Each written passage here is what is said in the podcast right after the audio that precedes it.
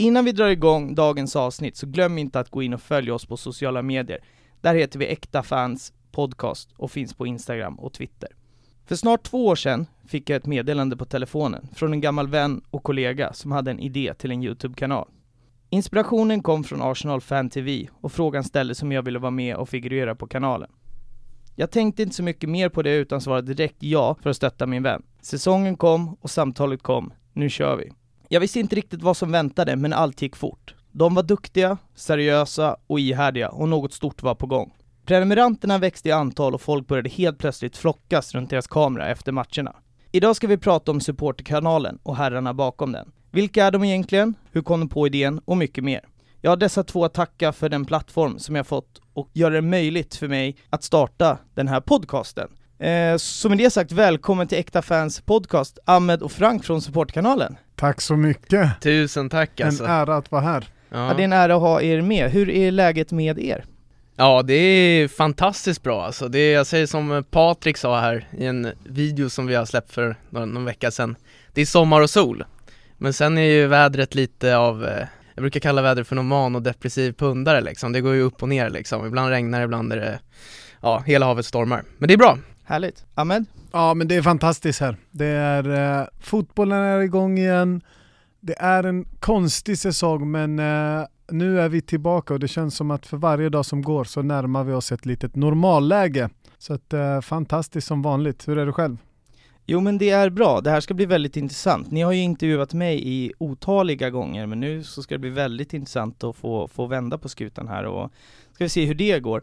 Men jag tänker innan vi hoppar in och börjar prata om, om eran kanal och, och, och allt som sker runt den, så tänker jag att vi ska prata lite om, om människorna bakom. Vi, vilka är ni två? Vad vet man inte från supportkanalen om er? Läskigt. Det är ju det här som vi har varit så bra på. Vi har ju inte berättat jättemycket om oss själva, eller vad säger du Frank? Ja, om det nu är, jag skulle säga att det är 50% medvetet val och sen är det väl mer av lättja liksom. Vi har inte riktigt kommit till skott där. Men eh, ja, vi har ju snackat många gånger om att dra en Q&A liksom. Ja exakt, men man kan väl bjuda på Ahmed Hassan, 28 år gammal, eh, jobbar som eh, personalansvarig på dagarna Eh, Eh, och eh, sen har jag två barn hemma som eh, mycket av resterande tid går åt. Och sen är jag en riktig både fotbollsnörd och en Fifa-torsk. Så jag spel, spenderar ja, men nästan lite för många timmar så att man skäms. nästan så att man skäms ska jag väl tillägga. Det, skäms gör man väl aldrig men, men lite i alla fall. Så mycket Fifa, mycket fotboll och två barn som växer upp. Ja, och Frank heter jag och eh, just nu så pluggar jag faktiskt på Stockholms universitet. Jag pluggar ekonomi. Eh, jag är väldigt, väldigt idrottsintresserad. Jag tränar kanske, om du spelar lite för mycket Fifa så tränar jag kanske lite för mycket. Det, det där lägger jag min tid. Jag har tidigare hållit på med friidrott, alla grenar inom friidrott och eh, ja Nej. Jag har tänkt på det, jag satt och tänkte på det här faktiskt igår innan vi skulle spela in det här. Ja men du och jag har ju jobbat med varandra, vi har ju känt varandra eh, länge sådär jag vet att du under en kortare period har varit, vi har dels varit kollegor under länge, eh, du har varit min, min chef under en kort period, jag satt och funderade om jag har varit din chef under en kortare period också. Uh, nej, jag vet inte. Jag tror inte det heller. Nej, exakt, jag tror inte det. Däremot så har du ju faktiskt utbildat mig.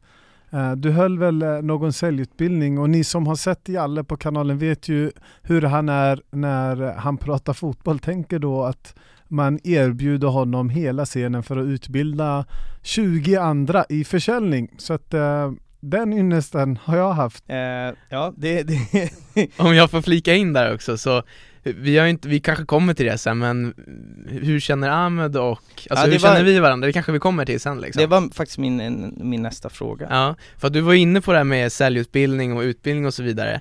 Eh, För jag har faktiskt haft exakt samma roll på exakt samma ställe. Så att det är därifrån Ahmed och jag känner varandra, att vi kommer från samma arbetsplats. Eh, Så jag var ju trainer kallas det, att jag utbildade nyanställd personal, precis som du gjorde Jalle. Eh, I försäljning och i, ja, support, teknisk support liksom, över telefon eh, ja, så att det är egentligen från samma arbetsplats som Ahmed och jag träffade varandra. Ja men härligt. Och om vi nu ska hoppa in lite på, på ert projekt. Som jag sa i introt där, jag får ett samtal från från Ahmed eh, där han säger, jag har en idé, vet du vad Arsenal Fan TV är? Och jag sa, jag har ingen aning. Han sa, titta på det, jag kollade lite klipp och han sa, någonting liknande vill jag göra i Sverige. Jag tycker att det är ett hål som saknas och jag sa, ja, men vi, vi kör.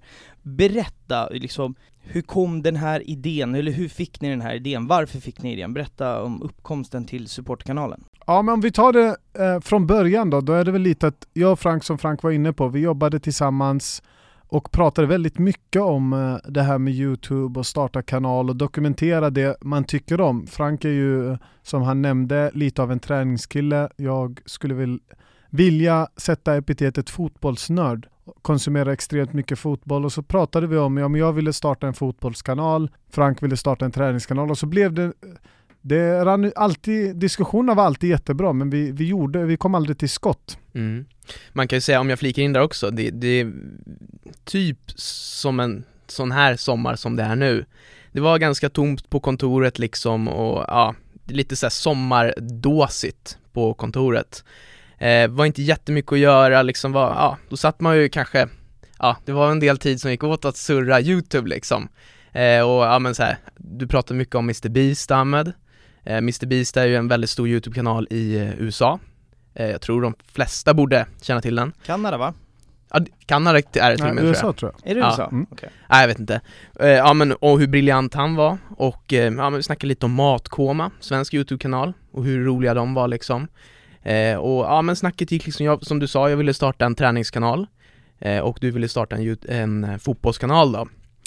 Eh, och vi spelade ju faktiskt in ett testavsnitt när det kommer till fotboll där vi körde, alltså vi samlade ihop ett gäng kollegor då på kontoret och eh, ja men spelade in typ såhär någon straff, skyttetävling och grejer. Vi, vi kom ändå något litet steg på vägen, men sen tog det ju slut där. Eh, och min take på det hela, du får berätta hur, hur du ser på det, men det var ju att du gick upp på föräldraledighet, lämnade mig där på kontoret ensam. Då, det här var i september någon gång, och när var det vi startade? Det var Ja, 15 mars. om man tänker sig från mars, där vi startade, året innan då i september, så slutade jag sen på jobbet och började plugga från första januari det året. Och sen var det ju dött mellan oss. Alltså vi hade pratat jättemycket om att vi ville ha YouTube, eh, starta någonting och det vore sjukt kul liksom.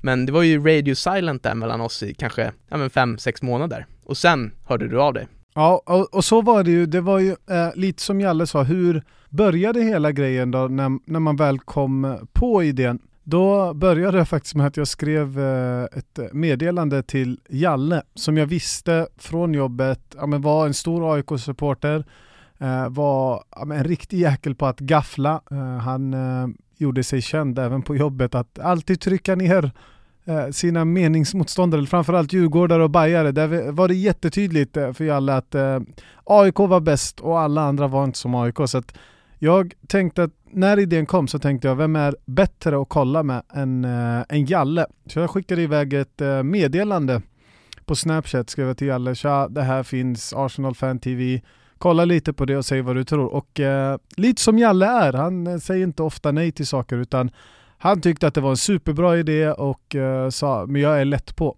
Och eh, sen behöver man ju då en vapendragare för att eh, jag är ju en sån person som gillar att göra saker med andra. Och eh, jag vet ju att jag har en eh, kär kollega till mig, en tidigare, en före detta kollega som eh, som hoppar på och som inte tvekar. Så att jag skickar iväg ett meddelande och jag vet att jag sitter och diskuterar med min fru, ska jag göra det här, ska jag inte göra det här? Och så säger hon, men kör, vad, vad förlorar man på det? Så jag skickar iväg ett meddelande till Frank och säger tja, du jag har en idé om att intervjua fotbollssupportrar, jag tror att det här kan bli superbra, vad tror du om det? Och eh, Frank ja, men de, hoppar på direkt och säger att det är superbra. Sen måste jag vara helt, vara helt ärlig med, jag vet inte ens om jag har berättat det för Frank, när vi ska köra igång då, det, jag kanske kontaktar Frank och det är lite supporterkanalens melodi, att saker och ting går snabbt. Det är väl eh, någon vecka eller två innan, eh, innan vi ska börja och jag säger vi ska spela in nästa vecka och så är man så här superambitiös som man vill vara. Och vanligtvis brukar det alltid mynna ut i att man kanske inte riktigt gör någonting. Så det jag gör det är att jag säger till min fru att jag vet inte om vi kommer göra det här. Jag har pratat med Jalle, han är på. Jag har pratat med Frank, han är på. Men skriver inte Frank så tror jag att vi struntar i den här idén. Så jag går runt den veckan och så tänker jag att det här kommer jag faktiskt inte göra. Och, jag, och Frank vet ju inte det, så jag tänker att skriv inte Frank, då struntar vi i det här. Och jag tänker i och med att jag kommer med idén från början, då kanske Frank inte kommer pusha. Så att jag är ganska inställd på att det inte ska bli något supporterkanalen, men eh, dagen innan vi ska spela in tror jag att det är, Ja, det är Så två, skriver- ja. två, tre dagar Ja, innan liksom, exakt. det är så här, vi gör ju allt med eld i baken, som du sa liksom Eh, Så då skriver Frank och säger Tja du, hur blir det med den här inspelningen? Och då tänkte jag, men det här måste vara något, eh, något form av tecken. Så då sa jag, men då kör vi igång. Och eh, så började vi med AIK Sirius. Och det var väl så supporterkanalen kom till. Jag var ju med redan och liksom, du och jag pratade om det här tidigt, men det, det roligaste var ju att när det här väl, när första matchen väl kom, så av någon, jag kommer inte ihåg, av någon anledning så kunde jag inte närvara. Alltså jag, jag missar aldrig en AIK-match, det här var typ den första på flera år. Eh, så att, eh, ja då, då bommade jag den av någon eh, otroligt märklig anledning sådär, men, Mm. men vi jag fick till det, ja, kör. Om jag får flika in där också med, med Ahmed, för jag hade ju varit inne i du snackade om det här man gick och drog på det en hel vecka liksom och det var en, ja, men en liten process Jag hade ju veckan innan du hörde av dig varit inne i exakt samma process om att jag ville starta min kanal om träning och så hade det varit, ja, det kändes jobbigt liksom och det, det är ju så här, alltid när man ska ta första klivet så är det mycket jobbigare än när man väl har bollen i rullning liksom. Eh, Så när du väl hörde av dig med, med den här idén, det var ju liksom, jag toknappar ju. Den är ju briljant, det är ju en briljant idé liksom. Ja verkligen, eh, Så att, verkligen. ja, det var ju bara att hoppa på tåget då och, och, och så det har funkat då, till en början eh, så, ni hade ju, vi, vi pratade ju redan innan om att, om att köra, men sen, sen har ni ju stått liksom utanför, ni, ni, det var ju en grind till en början, det var att stå utanför samtliga hemmamatcher för Stockholmsklubbarna och, och jaga folk, och sen har ni ju under resans gång har ni hittat starka, starka profiler och sådär. Vad är det ni tittar på? När, när ni intervjuar, jag vet ju att ni intervjuar en jäkla massa som inte dyker upp på, på youtube, nu, nu är det lite skillnad med, med corona och sådär, vi kommer in på det, men det är, ni har intervjuat en jäkla massa som inte har dykt upp på youtube så. Vad är det ni tittar efter för att, eh, när ni hittar en ny profil som ni känner att den här människan vill vi ha kvar på kanalen? För vår del så handlar det ju mycket om att egentligen så, jag och Frank var väl ganska tidiga med att bestämma oss för att vi lägger inte jättemycket värdering i vad som sägs. Eh, vi bryr oss inte jättemycket om, eh, ja, men om man säger rätt saker eller om man håller med. Vi har ju några av våra klipp där ja, men någon pratar om att det ska vara, svenska landslaget ska spela på konstgräs, någon annan pratar om att AIK är si eller AIK är så. Så att vi la inte jättemycket värdering i vad som sägs, men det som är viktigt det är att man har åsikter. Kommer man in och försöker vara lite mellanmjölk och inte trampa någon på tårna, då är det ganska svårt att få det intressant. Så framförallt så vill vi ha profiler, personer som faktiskt vågar prata och ta för sig. Och, och det, som, det som många inte, alltså jag är en ganska frispråkig person sådär, det var väl därför vi diskuterade från början. Men det, det som många inte förstår, alltså jag kan tänka mig de yngre förstår väl, speciellt inte de äldre kanske fattar det, att det vi gjorde i början, det var ju att vi gasade ju bara på. Bara säg så mycket dumt och så hårt som möjligt så att det, det skapar reaktioner. mm. Väck uppståndelse liksom Exakt så, och det, jag tycker att det är kul. Jag har liksom, precis som du säger Amin, när, när vi jobbade tillsammans, jag höll på att debattera liksom dagarna i ända. Jag, jag diskuterar mer fotboll med folk än vad jag jobbade vissa dagar sådär. Men eh, det var ju det vi gjorde, det var så här, spä på, tycker du så här, överdriv det. Och det var ju lite det som liksom så här grundade i att eh, vi, vi fick, alltså, eller ni ska jag säga, fick så mycket prenumeranter så, så snabbt för att folk blev ju sura över vissa grejer som folk sa på kanalen. Det skapade en reaktion, man ville in och diskutera i kommentarsfältet mm. och så vidare och så vidare. Så det var ju lite liksom, det, det, det är ju det som fick det att, att flyga sådär. Men jag tänker att vi har ju säsongen 2019 eh, som, som ni startar upp. Vi har tre Stockholmsklubbar som går ganska bra det här året. AIK gör ju en, en dålig säsong men kommer ändå liksom fyra. Men Djurgården går och vinner, Bayern eh, går jättebra. Hur, hur stor del, alltså hur mycket har det gett er på kanalen att Stockholmslagen faktiskt gick så bra? Vad skulle ni säga där? Allt alltså Bara allt, punkt eh, det, Vi hade ju medvind i seglen från egentligen Ja, fyra veckor in från där vi startade Alltså om in, vi, vi skojade så här, för att alla snackade ju ner Djurgården väldigt mycket där i början Vi hade ju exempelvis Thomas Wilbacher på kanalen som, som rå snackade ner Djurgården eh, Och ja, han tillsammans med ett gäng andra liksom. Och vi skojade om att så här, tänk om Djurgården vinner SM-guld Hur bra skulle inte det vara för kanalen? Alltså vi skulle flyga, alltså vi gick ju och skojade med varandra om det. Och Djurgården vinner SM-guld Och Hammarby liksom är ju i, i toppen också. Och det är ju toppstrid efter toppstrid. Och så har vi AIK där också som, som gör en som, som gör en väldigt, väldigt bra säsong också liksom. Så det gör ju att det här intresset för fotboll och intresset för allsvenskan var superaktuellt, alltså mer än någonsin, framförallt i Stockholmsområdet. Mm.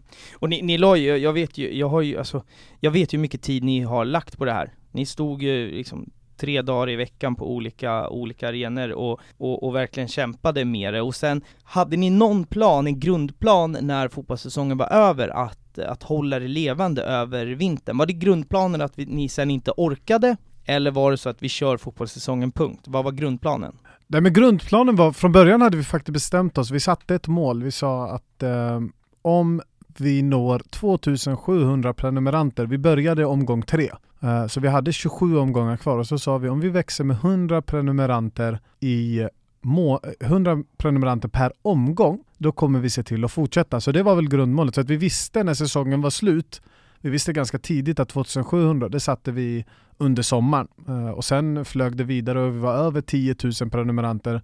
Så tanken efter säsongen var faktiskt att köra på.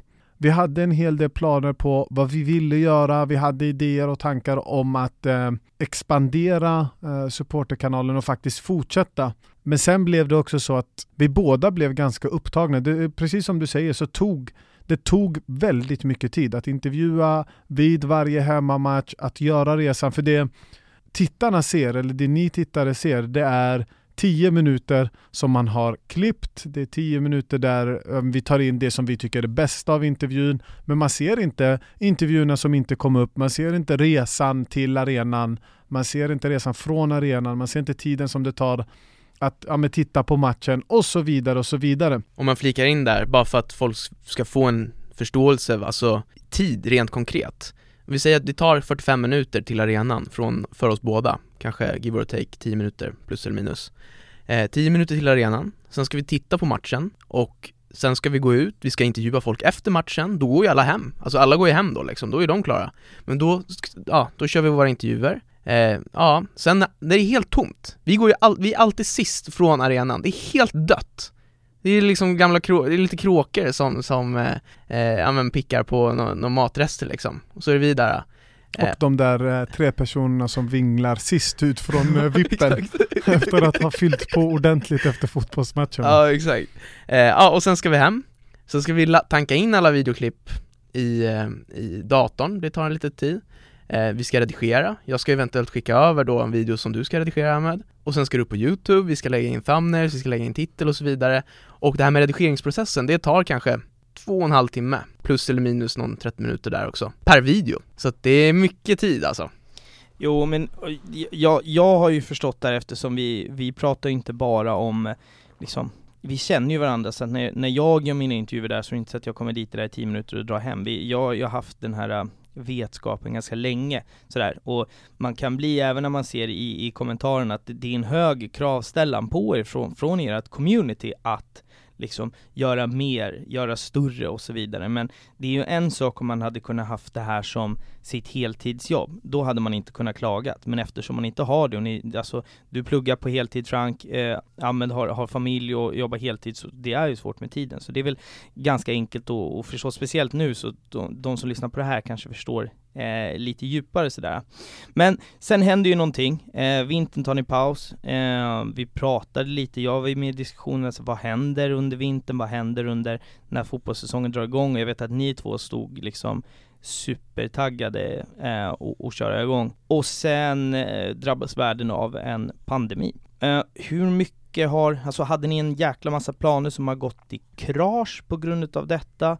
Eh, och liksom vart hade ni varit om, om coronan inte hade kommit så att säga? Så det är ju alltid lätt att spekulera och säga nu skulle vi göra så här mycket och det här skulle vara året man skulle ta det till nästa nivå. Det är väl egentligen det alla säger och det, det är klart att vi känner likadant. Om vi fick år ett, Frank pratade ju om år ett och där pratade vi om att ja, men hade vi kunnat måla upp ett dröm första år så tror jag inte att det scenariot som vi fick med tre Stockholmslag i toppen som turades om att ja, men ligga högst upp eh, och tre lag som hade chans att vinna SM-guld och ett allmänt jättestort intresse från supportrarna. Vi fick jättehjälp i början med, eh, ja, med polisen som ja, på ett eller annat sätt ville förstöra den svenska supporterkulturen. Så det var en drömsäsong.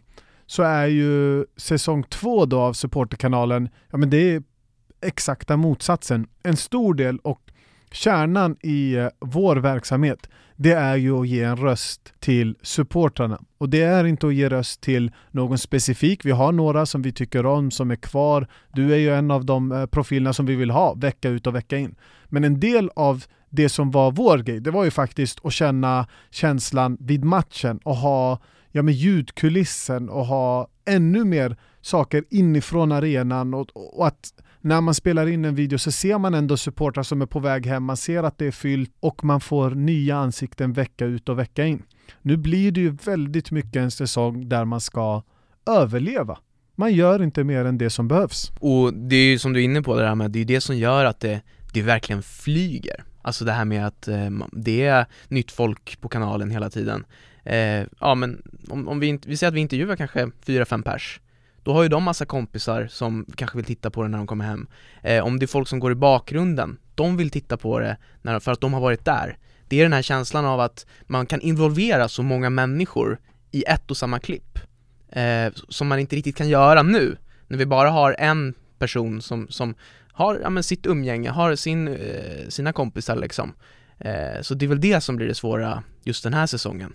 Mm, jag, jag förstår, och det, det som jag tycker är, är, är väldigt intressant, som, som jag vet att ni märker av och som jag också märker av väldigt mycket om man tänker i, i mina Instagram DMs till exempel, så tanken från början var ju, det är ju att intervju, intervjua liksom 08 supportrar men av de som skriver till mig så är ju hälften hemmahörande i Stockholm. Ni har ju nått en publik som liksom äh, befinner sig egentligen i, i hela i hela Sverige, vilket är superintressant. Vad tror ni, alltså hur tror ni att ni har lyckats nå att varje gång ni kör en Insta-live, att det sitter folk som hejar på IFK Norrköping, IFK Göteborg, Malmö, som sitter och hetsar i kommentarsfältet. Hur, varför vill man kolla på en intervju på ett, när, när, alltså efter en match på två lag som man inte hejar på något utav dem? Vad, vad, vad tror ni? Uh, det är en väldigt intressant fråga. Jag och Frank har pratat om den så många gånger. Och, och för vår del så tror jag dels att det handlar om marknadsföring. Det handlar om att skapa, vi, vi använder våran Instagram eh, och jag skulle vilja säga att i början så använde vi den extremt bra eh, genom att ja, plocka ut små klipp eh, med highlights från de intervjuer som vi hade. Så man bakar egentligen ihop det bästa, det mest kaxiga, det mest självsäkra från hela intervjun och det är någonting som det går hem i stugorna. Jag tror att om det är någonting som, eh, som folk kan relatera till, det är det som är äkta. Uh, och det, det är vad folk kan relatera till. Det som man faktiskt genuint tror är på riktigt, det är sådana saker som man tycker om. Så att, att se en annan supporter våndas, att se en annan supporter ja, men visa glädje som man kanske inte ser i andra branscher, man ser inte det på andra ställen utan det enda sättet som för mig att förstå eller kunna hitta någon som förstår mina känslor, det är ju faktiskt titta på folk som gör samma sak som jag gör. Så att jag tror att en jättestor del av att ja, supporterkanalen har nått andra städer, har nått ja, en helt annan målgrupp än vi först trodde, det är för att det är äkta. Det är inte min röst, det är inte Franks röst, utan det är supportens röst. Och supportens röst, den finns överallt i hela Sverige. Mm. Och det är ju som du säger, alltså det är det här när man verkligen har, visar känslor. Eh, och jag tror det, det kan ju vara lite kul för, nu gissar jag bara, det, det, så att ja, folk får rätta mig om jag har fel, men det kan väl kanske vara lite kul för icke Stockholmslag att kanske se den här hetsen kring Stockholms supportrarna eh, men sen är det också det här med att, som du sa, att vi lägger upp små guldkorn på vår Instagram och det här ska vara känslobomber liksom. Vi vill ju ha, alltså folk som kanske säger fel till och med. Så ha helt fel fakta. För det får folk att reagera och bli kanske irriterade, förbannade eller kanske bara tycka att det är allmänt kul. Och så skapas det diskussioner kring det och så ja, driver vi trafik till eh, vår YouTube-kanal då. Alltså om man kollar det communityt som ni har byggt upp, nu börjar det komma mer och mer äldre människor in på kanalen, men till en början om man ser de som samlas runt matcherna så är det väldigt, väldigt mycket yngre människor. Alltså jag skulle säga att merparten som, som kollar är, eller i alla fall dyker runt, upp runt matcher, mellan 9 och 15 kanske? Var det planen från början att nå dem för att de kollar mycket YouTube, eller blev det bara så, eller hade ni en tydlig målgrupp när ni startade upp? Alltså det är de som är inne, alltså det är ju de som är inne på YouTube liksom Och eh, ja, de, de, man, man har ju det här trending-feedet, man har det här, eh, ja men rekommenderade för dig liksom. Man får rekommendationer på sitt, på sitt YouTube-konto och eh, ja, jag tror inte det är li lika stor sannolikhet att det är massa 30-åringar eller 35-åringar som är inne och surfar på YouTube än vad det är 15-åringar gör det. Så det handlar mer om, om eh, vart målgruppen finns och då råkar den målgruppen finnas just på YouTube. Och när man tittar på statistiken då, man kan ju se på YouTube bidrar ju med ganska mycket statistik, så ser vi att de som tittar på videorna, de är generellt sett lite äldre än man tror. Sen tror jag att ja, men i, i det land som vi lever i och svenskar som vi är, så är man ganska försiktig med att ja, gå fram och fråga om att ta bilder och så. Men jag tror generellt sett så tror jag att vi har ju velat och siktar in oss på att ha folk som vi intervjuar som är lite äldre. Dels för att vi tycker att kvaliteten på surret då blir bättre, men också några som kan, kan sätta ord på deras känslor. Jag tror att det är svårt att göra det i början av sitt supporterskap.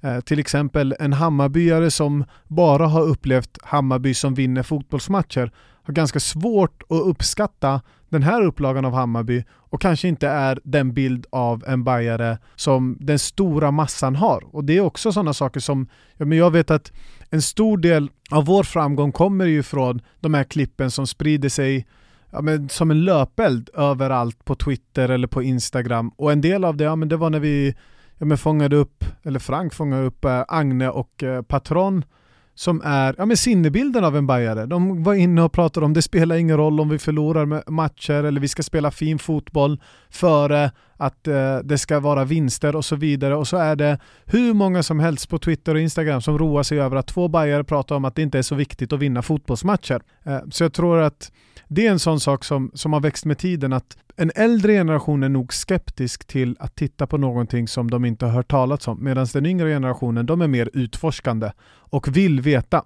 Sen vet vi ju när vi går in i det här projektet så vet vi ju också att vi är inte vi är inte först eh, att prata om fotboll, vi är inte först att prata om svensk fotboll, vi är inte etablerade. Så för vår del så har ju taktiken mer och mer blivit, ja men vänta om vi kan få den yngre generationen nu att vilja lyssna på Ahmed och Frank och vilja lyssna på Jalle, Rasmus, Aron, Thomas och så vidare.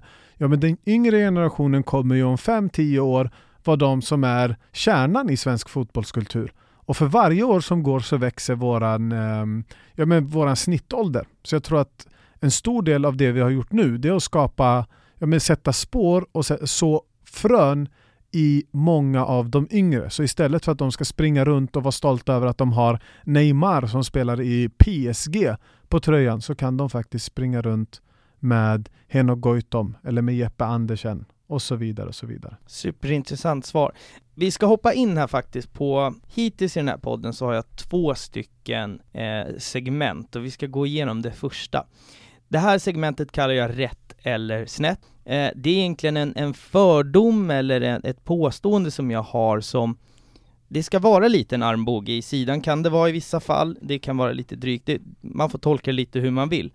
Så här låter mitt påstående, sen är det upp till er att säga om jag är rätt eller snett på det. Ahmed, du har en framtidsplan där du vill hålla på med detta eller liknande framåt, medan du Frank mest hakade på som en kul grej där du får chansen att tjäna lite extra stålar genom att göra någonting som är kul. Rätt eller snett? Alltså, eh, om vi säger så här, Ahmed, du är ju mer fotbollsintresserad det, det, alltså... det, det, jag vill, det jag vill poängtera när jag, ja. att du vill jobba med, med någonting sånt här, ja men det är ju, då pratar vi om fotboll såklart, det, mm. för att förtydliga det. Ja, eh, nej men det jag skulle säga då, det, eh, ja men du är ju mer hands down, alltså du är ju mer fotbollsintresserad än vad jag är, eh, från början då. Men sen, alltså, anledningen till att jag egentligen ville starta det här, det är ju för att Youtube som jag eh, gillar, alltså jag vill ju ut, sen dag ett liksom så vill jag ut på Youtube. Ja men det är väl halvrätt, jag skulle säga, jag tror hade pengar eller stålar varit eh, det som var huvudsyftet, då tror jag att eh, vi hade lagt ner ganska tidigt. Eh, men rätt är väl att för min del så är ju fotbollen är det största intresset. För mig är drömmen att få jobba med fotboll dag ut och dag in och kunna säga upp mig från jobbet och jobba med fotboll. Och eh, för Frank är det väl, mm, och även lite för min del, så är det väl att skapa saker som är roligt. Mm. Och sen alltså så här, ja återigen då med pengar där, vi, vi har ju egentligen inte Alltså sett till den tid vi har lagt ner på det så har vi ju tjänat alltså extremt lite alltså, ja, det, är ingen bra timlön på er Det är nog den lägsta timlönen i Sverige alltså Om jag ska sticka ut hakan lite där. Ja, men det, det, det är jag helt med på. Jag, jag visste att det, det är ett påstående som, som, som blir lite snett på det från början. Men det jag menar är ju eh, just, just fotbollsintresse, där jag vet att du inte kommer från, alltså där du Frank inte kommer från det från början. Så Exakt. det var lite mer eh, där det Exakt. hamnar på. Men om man går in lite på, på hur Youtube fungerar då. Hur tjänar man pengar på Youtube? Berätta. Eh, alltså det är ju främst ads och vi har ju faktiskt inte lyckats hitta några sponsorer än. Eh, så att om det är någon sponsor, det kan vara egentligen vem som helst. Vi har sagt att vi, vi vill inte hålla på med betting och spel och sådär men allt utom det, hör av er, vi är väldigt intresserade. Men det är ads som man tjänar pengar på på Youtube. Fan, smäll upp 11 stycken enbeta blinda pirater på plan ah, med, med alltså, fyra tänder och ännu färre hjärnceller. De vinner ju fortfarande mot det där skitgänget. Jag fattar inte! Jag fattar inte hur dåliga de kan vara mot oss. En helt annan fråga. Nu har ju ni varit en, en uppstickare, eh, du var inne lite på det Ahmed med, ni är ju inte först med att prata svensk fotboll, sen är ju det här konceptet finns väl inte, alltså det, det finns ju inte eh, sen tidigare, men om man kollar på, man får kalla det kollegor eller konkurrenter, det får man väl välja lite vilket ord man, alltså vilket uttryck man vill använda. Men hur tror ni, hur tror ni de ser på er? Vad har vi? Vi har journalister, vi har eh, Dobb-TV är väl ett jättebra exempel. Hur tror ni att de, hur tror ni diskussionerna i kafferummet går i- om er där? Men jag skulle säga, jag var ju med på, på Eurotalk eh, som produceras av Dobb, eh, blev inbjuden. Eh, lite halvt i alla fall, eller bjöd in mig själv kan man också säga. Eh, och där tror jag, jag tror att i och med att de har gått ungefär samma väg eh, Eh, och eh, men startat upp nästan från scratch eh, utan någon egentlig plattform, de hade väl svenska fans då, som de börjar ifrån, så tror jag, jag tror att i det kafferummet så tror jag att ja, men antingen så pratas det positivt och man är glad och tycker det är roligt att det är fler som försöker gå samma väg eller så, så har man inte, så, så man, ligger man under en sten och har inte hört talas om oss än. Men så tror jag inte är fallet. Så jag tror att de, de vill ganska gott. Sen tror jag att den moderna journalistiken, jag och Frank brukar skoja om jävla, att ja, eh, det är lite Ja, men det, det är lite dinosaurier skulle vi säga. Jag tror att den här typen av bevakning där man går ut på en match och så ska man skriva någon halvbra krönika om eh, hur matchen var. Jag tror faktiskt att Sen, det finns säkert siffror som motbevisar det här, men jag skulle säga att om 5-10 år så är det inte så man konsumerar fotboll längre. Man går inte in och vill läsa om eh, ja, men något, eh, en matchreferat, utan antingen tittar man på matchen eller så ser man reaktioner på Twitter, på Youtube, på Facebook. Eh, det ska vara mer levande. Så jag tror att de tittar på oss. Vi har ju faktiskt fått ett bud på kanalen så att, eh, och inte riktigt varit intresserade av att ge bort det. Eh, däremot så är vi ju, lite som Frank var inne på, intresserade av att hitta samarbeten som funkar för båda parter. Men jag tror att den traditionella medien, den, eh, de tittar nog på det här och tänker vad fan pysslar de här människorna med? Och vad är det här för trams? Och varför är det så oseriöst? Medan vi känner väl att vi är framtiden. Det kan låta hur kaxigt som helst, men jag tror inte att man kan hålla på med sportjournalistik så som det har gjorts de senaste åren och prata om så här, så här såg det ut på AIKs träning. Ja, vi har bilder därifrån, vi har supportrar som var där, vi har Twitter, vi har Facebook där det skrivs om allt. Så varför ska jag in och klicka på din artikel? Mm. Det är min fråga. Och journalisterna då som, som håller på med, med det här De som du sa Ahmed, alltså de måste ju se oss som alltså årets luffare Alltså vad är det här för tomtar? De kan ingenting om journalistik Och när vi började, nu vet jag inte om, om vi har någon, någon bra intervjuteknik nu men Intervjuteknikerna, ja, det är ju vem som helst har gjort, skulle kunna göra det där liksom det, ja, antingen så retar de sig på det eller så tycker de det bara är tomtebloss liksom som är ute och håller på Ja men superintressant. Jag, jag, jag tror ju också att, jag, jag, är, jag är helt med på eran linje. Men, alltså, ju mer man konsumerar, om man tar Twitter till exempel, ju mindre intresserad blir man faktiskt av att, att läsa artiklar. Sen, man märker ju på många journalister idag som jobbar med det skrivande att de, de artiklarna som folk klickar på, det, där skriver de nog helt, helt galet just för att få sina klick. Där har vi väl Laul som ett jättebra exempel. Alltså, han skrev väl inför förra säsongen, han var den enda journalisten i hela Sverige som tippade Hammarby som liksom vinnare, eh, SM-guldvinnare. Nu gick de ju jäkligt bra, var ganska nära, men det var ju bara för att då visste han att alla Bajare kommer klicka på det, alla AIK kommer klicka på det, alla Djurgårdare kommer klicka på det av, av ren frustration sådär. Mm. Men eh, om man ska hoppa till en annan fråga, ni har ju intervjuat en jäkla massa människor nu utanför Tele2 och utanför Friends. Jag, jag vill ju säga att det finns en ur-AIK, en ur-Djurgårdare, en ur-Hammarbyare, att man kan avgöra ganska, ganska tydligt vad som är vad. Ni har varit inne på Agne och Patron, eh, så, som, jag älskar de två, de är världens härligaste, men de är ur för mig. Ser ni någon röd tråd mellan liksom vilket klubbmärke man har på bröstet sådär? Ja, så här är det, alltså jag får bara säga det här lite snabbt. Eh, Vi har ju fisk, alltså så här, när vi började, då hade vi ju ingen liksom given som skulle prata. Och då var det verkligen det här ut och sälja tidning på torgkänsla. Du ska försöka fiska in folk när de kommer ut från arenan, arenan liksom och det är barnfamiljer, det är folk som har, eh, ja men ett par pilsner innanför västen liksom, kanske några för många ibland eh, Ja, och det är ungdomar Och så försöker man liksom sälja in det här, ja men vill du vara med på intervju? Och nu blir jag väl säkert lynchad här, men det är alltid svårast att få Djurgårdarna. Alltså de är alltid lite, jag vet inte om de är för fina för att vara med på, på eh, kanalen eller vad det är liksom. Men, men det är lite svårare att få in dem. Och, eh, men jag, jag gillar er, jag älskar Djurgården också. Ja, ja, så här, om vi inte är politiskt korrekta, då skulle man kunna säga att Hammarbyarna, det är precis som man tänker sig Bayern ska vara. Det är folk som är extremt glada efter match, de kommer in, tjoar framför kameran, slänger sig lite och man, man tänker alltid att ja, men det har ja, men tagits både en och två för mycket. Eh, AIK-arna är lite skeptiska till systemet, de eh, tänker alltid att det är traditionell media, lite kanske så här, vad är det där för någonting? Och ska man ställa upp här? Men, uh, men ändå alltid vill vara med. Och Djurgårdarna, de börjar dyka upp när de vinner fotbollsmatcher. Då blir det fler. Nej, jag skojar bara. Nej, men, men lite så här, Djurgårdarna, där var det nog att det var nog svårast att vinna acceptans där. Jag tycker att det blev extremt bra mot slutet och jag tror att vi var hjälpta av att det vanns fotbollsmatcher. Mm, uh, helt så klart. Att, så även om man säger det lite på skämt att de dyker upp när det vinns fotbollsmatcher så var det nog Eh, där möts man med mest skepsis, man vill veta mer, vad är det här för någonting, är det ens värt att ställa upp här? Och lite den här känslan där man brukar prata om, är de lite för fina för att vara med? Sen tycker jag att det ändrades längre fram, eh, men jag tycker absolut att man ser, eh, aik är ju väldigt speciella på det sättet att det är alltid det är himmel eller helvete. Det är alltid, mm. antingen så är det superbra om man är bäst i världen och ingen i världen, alla andra är inte AIK om man är själv AIK. Eh, eller så är det fiasko, alla ska avgå, det är kaos och man vill bråka och tjafsa och då vill man inte vara med Eh, på något sätt. Det andas lite bipolaritet där nästan. Ja faktiskt, men att det blir lite sådär att man, det, det, blir väldigt roligt att se, det är mycket plus och minus, beror väldigt mycket på resultatet hur bra kvaliteten på AIK-videos blir.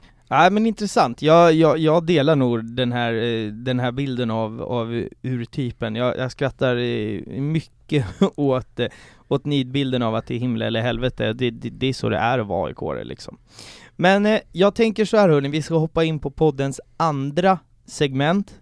Det är fem snabba som inte är så jättesnabba. Eh, jag tänker att ni båda ska få svara separat på frågorna. Jag vill ha ett, ett kvickt svar, men så kanske jag ber er utveckla. Första frågan lyder så här. Vilken av 08-klubbarna går mest i linje med eran identitet? Det behöver alltså inte betyda att ni hejar på laget, men vilket lag kan ni mest identifiera er med? Fisksätra IF. Nej jag skojar, det är det här, det här segmentet, det är det alla har väntat på. Man ja. baitar med att någonstans i det här avsnittet så avslöjar de vilket lag som de går mest i linje med. Alltså jag tänker mer identitetsmässigt här, sen ja. behöver ni absolut inte heja på det. Man kan ju identifiera sig och känna att men, jag går mer i linje med Sundsvallssupportrar och hejar på Helsingborg, det skulle man krasst kunna göra om, om, alltså om det är så, men av, av det ni har märkt när ni har stått utanför eh, arenorna liksom, sådär? Mm, ja men då är det ju alltså, då är det ju Hammarbyarna tycker jag, för att de är sköna liksom. Alltså det är det här, äh, Hakuna Matata, jag har varit på match, ja, torska med 5-0, men fan, jag ska ta en bira ändå. Det är rock'n'roll liksom. Alltså, så det är väl det, det här lite mer avslappnade inställningen till livet liksom. Det är väl där, det, det, man kan nästan avundas lite där att man vill ha den där känslan på något sätt. Ja men den är fin, den är faktiskt fin. Eh, och jag skulle säga, för mig är det också egentligen ganska enkelt att svara på frågan. Utan att vara supporter så tycker jag att eh, med AIK är väl de som ligger mest i linje med mig. Jag kommer från förorten, det känns som att AIK tydligt har nischat sig. Även om det är blå linjen och jag inte är från blå linjen så tycker jag att det är en tydlig nisch till att, eh, men dels så får alla vara med. Det är hur många som helst från orter där, ja, men där man kanske har, förutom att man är svensk, har man också en annan bakgrund.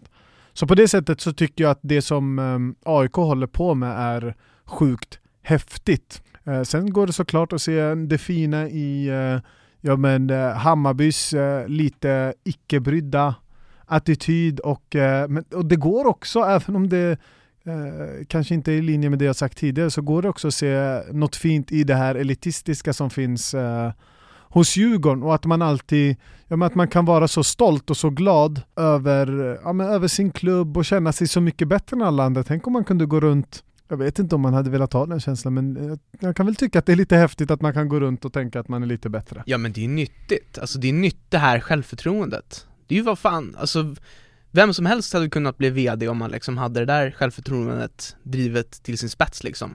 Men det jag tänkte säga där, det är att Djurgården, alltså jag kan på något sätt gilla det, den klubben, och nu låter det här jätte goddag yxskaft, men eh, det är geografiskt. Alltså jag diggar det här området vid stadion, alltså jag, jag, jag diggar, eh, ja men i och med att jag pluggar vid Stockholms universitet, det området, det är ju norra Djurgården liksom.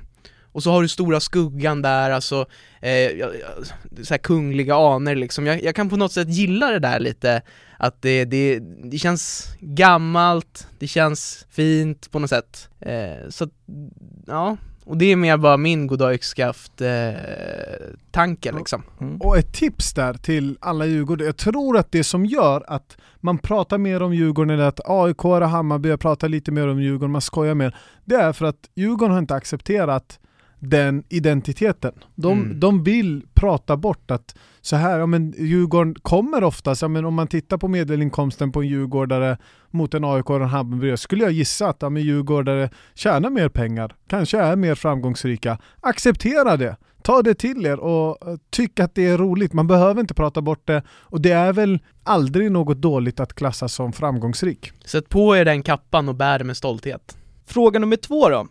Har ni något favoritlag utanför Sverige? I sånt fall vilket? Manchester United och FC Barcelona. Ja, ehm, det är sjukt. Kan jag säga samma? Alltså vad fan? Det är väl så här, jag, jag har en gammal Ronaldo-tröja från eh, Manchester United. Eh, så att de diggar jag.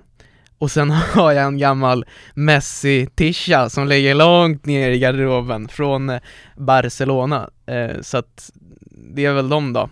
Nej men det är, väl- det är väl helt okej att ha, ha en, en, en synk där. Mm. Nu kommer ju alltså, å, å, återigen här så, så har ju, ja men du har ju en, en större fotbollsbakgrund sådär än vad, än, än vad du har Frank. Det, Mm. det är väl så enkelt egentligen. Mm. Fråga nummer tre då. Vilken match, om ni inte var inne på arenan förra året, hade ni besökt om ni fick chansen? Oh. Ja nu får vi nästan be nu, alltså för att göra det lite lätt för oss själva, alltså vilka matcher var så helt N- När var supporterna som sjukast liksom? Eh, rent känslomässigt, kanske något derby? Ja fast då var vi ju där. Vi, jag tänker när man inte var plats. Jag hade velat då um, Ju, Malmö-Djurgården eh, på Swedbank stadion. just är det då Buya Turay kommer loss och gör, eh, eller Buya Turay kommer loss, han får en passning och så gör han 2-0 på en touch. eh, Med ett riktigt fint avslut. Jag tror att det är på bortaplan. Det är korrekt. ja, men den matchen, det är väl någonstans där så förstår man att Djurgården är på riktigt. Det är inte det Djurgården som Jalle beskriver när han säger att jag kommer springa runt med vad som helst. Har ni inte sett videon, in på Youtube och titta. En sån här liten halvplugg. Eh, men eh, det är Djurgården som eh, Wilbacher, Jalle, Aron och alla AIK och Hammarby pratar om. Där tror jag att det går, många förstår att nu har Djurgården spelat två matcher mot Malmö, inte förlorat någon av dem och man vinner också på Malmös arena. Där, sitta bland Djurgårdsfansen och se den glädjen och se de känslorna och se att det även för Djurgårdarna nu börjar bli tydligt att de är på riktigt. Mm. Det hade varit kul att vara med på. Ja. Eh, fråga nummer fyra. Det här, är- jag, jag dubbelkollade faktiskt där lite innan, så nu ska jag testa er hur bra koll ni faktiskt har på er egen kanal. Vilket är ert mest visade klipp och hur många visningar har det klippet? Det är Best of 1 eh, Vad kan den ha? 87 eller? Nej det är för mycket tror jag Åt- Eller jo, fan Åt- och Den låg på 85, så att möjligen 87 alltså Någonstans där i de trakterna Och sen tvåa ligger kickningsvideon, trea ligger, vad kan det vara? Någon Aron-video kanske? Aron efter derbyt. Ja, Mm. ja men då var ju du med, precis. Det var när Aron ni torskade mot efter- eh, Hammarby där ja. Ja. Det är nummer tre, och sen eh, har vi Alltså det är ganska mycket Aron där i toppen faktiskt Mm. Ja men Aron Jalle ligger högt upp, Best of videosarna ligger högt upp. Men Best of 1 säger vi. Det är helt rätt, det är helt rätt. Bra jobbat. Men hur många views var det? Lite snabbt Eh, ja, 86 Ah, okej. och strax under 87 om inte jag missminner mig. Sista frågan då. Om ni fick välja en drömgäst till Youtube, vem hade ni tagit då? Och då pratar vi självklart i samma forum, alltså efter en match. Alltså måste det, för jag känner så här, ja, när du ställer frågan på det viset så känner man spontant, ja, det ska vara någon kändis Men det behöver absolut inte vara. Nej precis, jag tänkte det, alltså jag har ju eh, lite polare som eh, De är rätt rappa i käften liksom, och, och de håller då på, eh, ja men Djurgården och eh, eh Hammarby och AIK liksom, så att det, det ja Det är no någon av dem då, och när de är som mest eh, liksom eh, pratglada Jag hade velat ha Bosse Andersson efter matchen mot Norrköping. Det hade varit drömmen. Så Bosse Andersson när han är extremt eh, glad.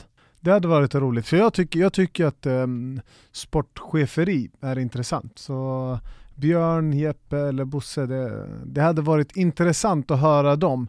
Björn när han är arg, så det hade varit roligt efter att AIK typ förlorar mot Falkenberg, vilket de verkar kunna göra ett eh, år som det här. Han är ju dock inte sportchef längre, ska tilläggas. Ja okej, Westerholm. vi- ja, exakt. Nu är han väl eh, VD va?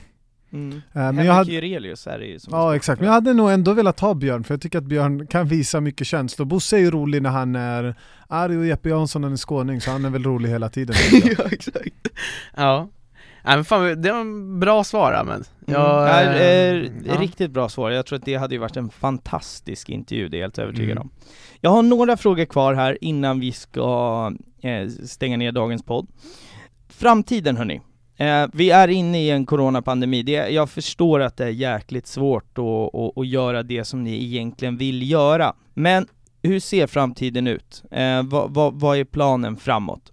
Ja, alltså vi sa ju inför den här säsongen så eh, Vi gick ju lite i dvala där Från förra säsongen Och eh, det berodde väl egentligen på att vi, vi var så jäkla köra i botten alltså Efter från förra säsongen Alltså det var som vi snackade om tidigare så var det mycket tid liksom och det, det Ja, det tog verkligen på krafterna. Och sen framförallt mentalt tror jag. Alltså vi var trötta liksom på så här, och så alla frågade sig vad ska ni göra nu under uppehållet? och så vidare.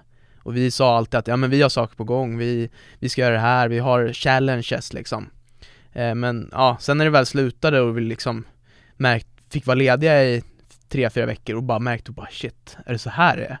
Då, då kände vi bara, nej, vi, vi, vi chillar nog lite här, så får vi Men det se är om vi fortfarande startar om, om, om vintern, men Mm, nu är ni ju ingen exakt. säsong, vad, vad är på gång? Exakt, det var det jag skulle komma till. Så att nu när vi startar upp den här säsongen eh, och eh, vi har ju, ja men egentligen sedan eh, årsskiftet upptäckt det här med, med pandemin liksom och haft lite blandade känslor. Det har ju varit en process liksom för oss inför den här säsongen. Så här, hur ska vi göra?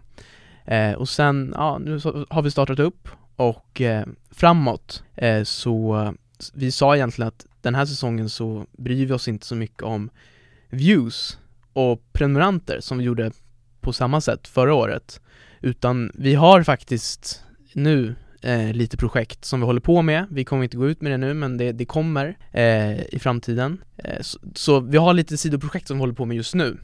Och, så, så har vi lite, lite mindre fokus på intervjuerna. Alltså någon promille där liksom. Och en del av det är ju, egentligen så är väl det största och det som vi ville göra till den här säsongen, det var ju involvera tittarna, supportrarna ännu mer. Lite som vi gör med liven, att ja, men det blir fler in, det blir mycket snabbare, rappare content där man pratar mycket, att man får känslor direkt efter matchen, man får prata fram och tillbaka eh, mot varandra och så har man involverat extremt många. Vi vet att ett av de mest uppskattade uppläggen det var inför derbyvloggarna och faktiskt se hur laddar Jalle upp inför ett derby? Hur laddar Rasmus upp inför ett derby? Vad gör Thomas när han är på väg mot arenan och så vidare. Så att vi har väl eh, lite sådana planer har vi ju haft. Så jag, jag skulle säga lite som Frank var inne på att under den här säsongen så handlar det extremt mycket om att överleva och palla. För att om det är något tips som jag skulle ha till alla som vill starta en podd, alla som vill hålla på med YouTube, det är två saker. Dels, gör det du klarar av att göra. Det är ingen som tycker om att det startas någonting och så läggs det ner. Skulle vi inte palla hålla lives en gång per omgång, ja men då till slut så blir liven meningslös för det är ingen som tunar in. Men vet man att det kommer vara en live, då kommer den att växa. Idag är det i snitt 100-150 pers som tittar. Om eh, tre månader, ja men då kanske vi är uppe på 250-350 och så vidare och så vidare. Så att jag tror att en sak är att alltid ta på sig det man kan göra och producera över tid. Nummer två, det är gör någonting man tycker om. Och just nu så tycker jag att i den här säsongen, intresset för Allsvenskan, och där är det väl första frågan som jag ställer tillbaka till dig Alle, som du kan få svara på. Jag känner ju inte riktigt att intresset för den här allsvenska säsongen, det är inte samma som för allsvenskan förra året och framförallt så är det inte samma momentum. Allsvenskan hade ju också ett momentum där det har växt för varje år som har gått, men jag tycker att det är ett steg tillbaka och jag tror att man får acceptera det i och med den här pandemin. Så att för vår del så är det nog hålla oss levande. Vi har en del idéer som vi finurlar på, men vi vill väl starta det när vi vet att det kommer bli bra och att vi kommer palla göra det. Nej men det, det, jag håller väl helt med och det är min känsla också. Den här säsongen är ju en sån säsong som eh, den har inte lika stort intresse. Om man, den, man brinner inte lika mycket för det. Och det, jag tror att ni är på helt rätt spår, att det handlar om att överleva. För att när man väl får gå på fotboll igen, då kommer vi ha fullsatta arenor runt om i hela Sver äh, Sverige och då kommer, det, då kommer det ju liksom explodera igen. Så jag tror mm. att ni är mm. inne på helt rätt spår. Alltså det kommer ju vara sån eh, slutsålt på varenda match, känns det som liksom. Ja, verkligen, verkligen. Om det får vara det alltså. Ja. Mm. Om ni vi får drömma lite då, vart är supporterkanalen om tre år? Nu är ju frågan egentligen, vi har ju drömt ganska mycket men frågan är hur mycket man vill um, Outa? Ja exakt, hur mycket man vill dela med sig. Men förhoppningsvis så är, um, så är det större och förhoppningsvis så har vi fler som är involverade. Jag och Frank uh, har väl en, uh, en långsiktig dröm i att det ska vara mer självgående och mindre mm. personberoende. Så förhoppningsvis så är det ett större maskineri. Mm. Uh, och um, om man tittar långt fram så kanske till och med att det är ett uh, något form av uh, produktionsbolag. Mm.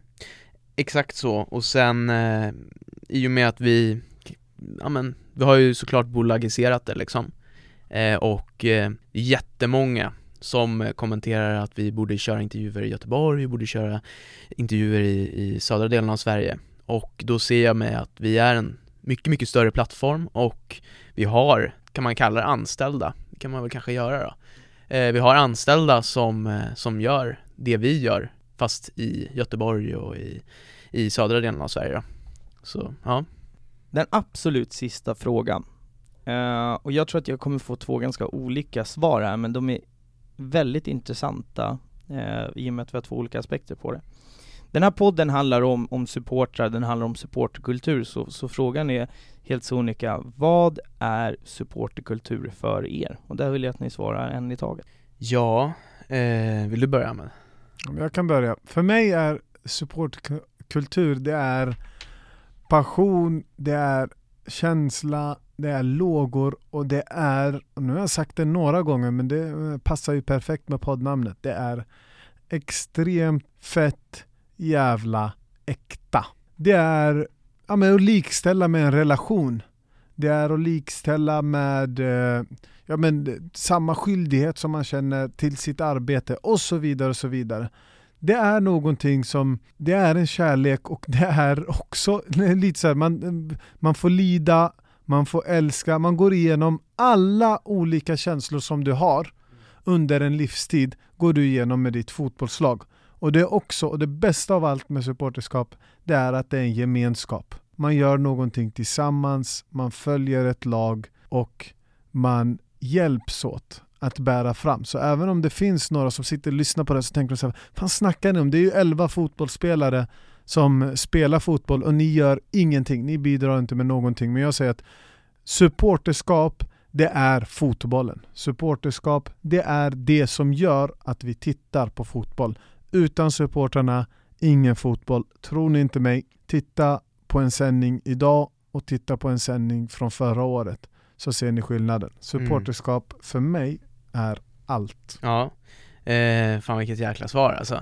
Eh, men jag, jag instämmer ju exakt i det du säger och eh, jag skulle säga att det är som en, en tredje arm liksom. Eh, går det då, som du sa, så går det dåligt för eh, laget så, så eh, sörjer man det. Går det bra så är man uppe bland moln. Eh, sen som du var inne på Ahmed, eh, gemenskapen, alltså det här med att man, man får, får gå till matcher och känna det här trycket, känna den här gemenskapen eh, som man har, ja men gentemot andra supportrar och eh, relationen liksom. Och då kan man ju ha Jalle som exempel, har tatuerat in AIK på bröstet liksom. Nej, intressanta svar och, och, och med det så, så ska vi faktiskt tacka för dagen. Innan ni klickar bort podden så glöm återigen inte att eh, dels följa poddens sociala medier på Akta Fans Podcast, finns på Instagram och Twitter. Och glöm för fan inte att, att följa supporterkanalen. Ja men var, var tittar man ner någonstans? Ja men att supporterkanalen uh... Heter vi supportkanalen nu ja, på vi heter su supporter.kanalen ja. på Instagram Kolla, så bra koll hade vi och sen har vi våra egna då, det är väl Frank Fornestig eh, på Instagram och eh, Ahmed Hassan SK Och det jag, jag tänkte tillägga här också, eh, uppa den här podden. Alltså vad fan, det är ett galet initiativ av, av Jalle som han har tagit. Eh, När vi spelar in det här så sitter vi i den sjukaste studion, det är massa kameror, vi har eh, alltså fyra datorskärmar på varandra liksom. Fett bra mickar, så att uppa den här podden, sprid med dina vänner, tipsa en polare om den För eh, ja, det, det är någonting stort på gång med, med den här podden så att eh, ja Ja, det, det och, och Jalle, vi.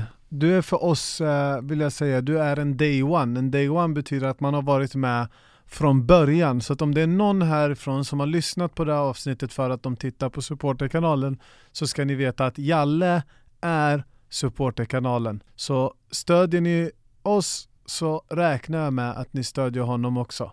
För vi älskar Jalle och Jalle är en del av oss. Och jag älskar er, så att det är väl, det är väl otrolig en kärleksförklaring av Guds nåde här på slutet. Med de extremt fina orden så, så vill jag eh, tacka och bocka för att, för att ni har varit med och skapat det här fantastiska avsnittet. Mm. Tack så mycket. Tack själv, det var sjukt kul att vara med och eh, vi hoppas väl på att få eh, komma på återbesök här eh, framöver. Kanske inte prata om just eh, det vi har pratat om idag utan kanske någonting nytt. Det hoppas jag också. Ha det bra hörni och tack för att ni har lyssnat. Ha det fint, hej!